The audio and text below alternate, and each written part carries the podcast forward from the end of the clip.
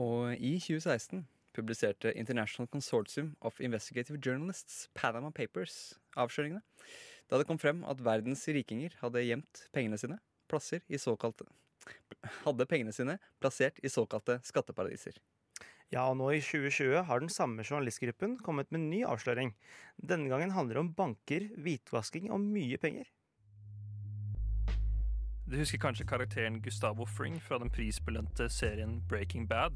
I tillegg til å drive med metamfetamin drev han også fastfood-kjeden Los Boyos Hermanos.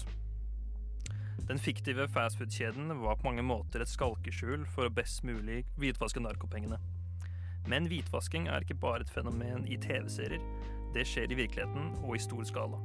20.9 publiserte ICIJ, International Consortium of Investigative Journalists, en rekke hemmeligholdte dokumenter som viser omfattende hvitvasking, hjulpet av noen av verdens største banker, rett under nesen på det. Dokumentene viser et stort antall mistenkelige transaksjoner, og dekker et omfang på over 200 000 transaksjoner til en verdi av over 2 billioner amerikanske dollar omtrent det dobbelte av det norske oljefondet. Men hvordan fikk ICIJ tilgang til disse tallene, og hvor kommer de egentlig fra? De hemmelighetstemplede dokumentene kommer fra den enheten som jobber med økonomisk kriminalitet i USA. Enheten som går under navnet Financial Crimes Enforcement Network, eller FINCEN, tilsvarer norske Økokrim. Men tallenes kilde er banker for hele verden. Når en mistenkelig transaksjon finner sted, flagger bankene disse og kategoriserer dem som SAR. Suspicious Activity Reports, som så innrapporteres til myndighetene. Altså når en slik transaksjon går gjennom en amerikansk bank, får Finsen tilgang til tallene. Det er viktig å understreke at en SAR ikke nødvendigvis er konkret tegn på skittent spill, men kun en mistenkelig transaksjon. Altså er det innenfor disse 200 000 transaksjonene ikke nødvendigvis snakk om 200 000 hvitvaskingssaker. Deutsche Bank, HSBC og JP Morgan Chase er noen av utenlandske bankene som kommer fram i disse dokumentene. Men spesielt én norsk bank blir også trukket fram. Ifølge amerikanske myndigheter har mer enn 1 milliard norske kroner blitt sluset gjennom diverse kontoer tilknyttet Norges største bank, DNB. Problemet er bare det at bankene selv kan si svært lite om saken.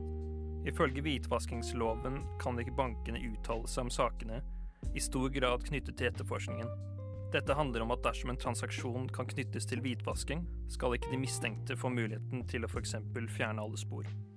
Dette er en veldig kompleks og stor sak, og det er vanskelig å komme innom alle momentene i en kort radiosak. Men det store spørsmålet som blir stående igjen er hvem har ansvaret, og hvorfor dukker slike saker opp med et jevnt mellomrom? Noe av den sentrale utfordringen her er at bankene som flagger og innrapporterer mistenkelig økonomisk aktivitet, videresender sakene til myndighetene. Dermed blir det deres ansvar å følge opp saken. Dessverre har myndighetene ofte ikke ressurser til å følge opp saken, eller så henlegges den grunnet manglende bevis. Men dette betyr ikke nødvendigvis at man kan skylde på myndighetene hver gang. Selv om bankene har begrensede muligheter til å rapportere saker i pressen, og til å stenge kontoer eller nekte transaksjoner, er det enda et viktig moment som spiller inn penger.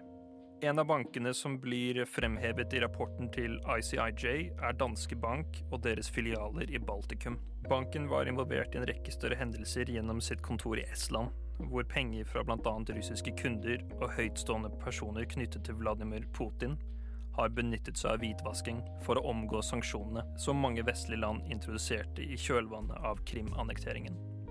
Nettstedet Bloomberg trekker i en artikkel fram hvordan banken aktivt gikk ut for å tekke til seg russiske kunder, ved at kunder kunne veksle inn bankinnskudd til gullbarer og mynter for å garanteres deres anonymitet.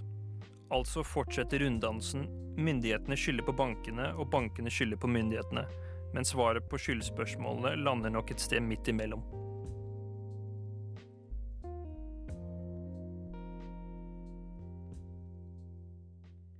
Og reporter i denne saken, det var Johannes Haraldsen.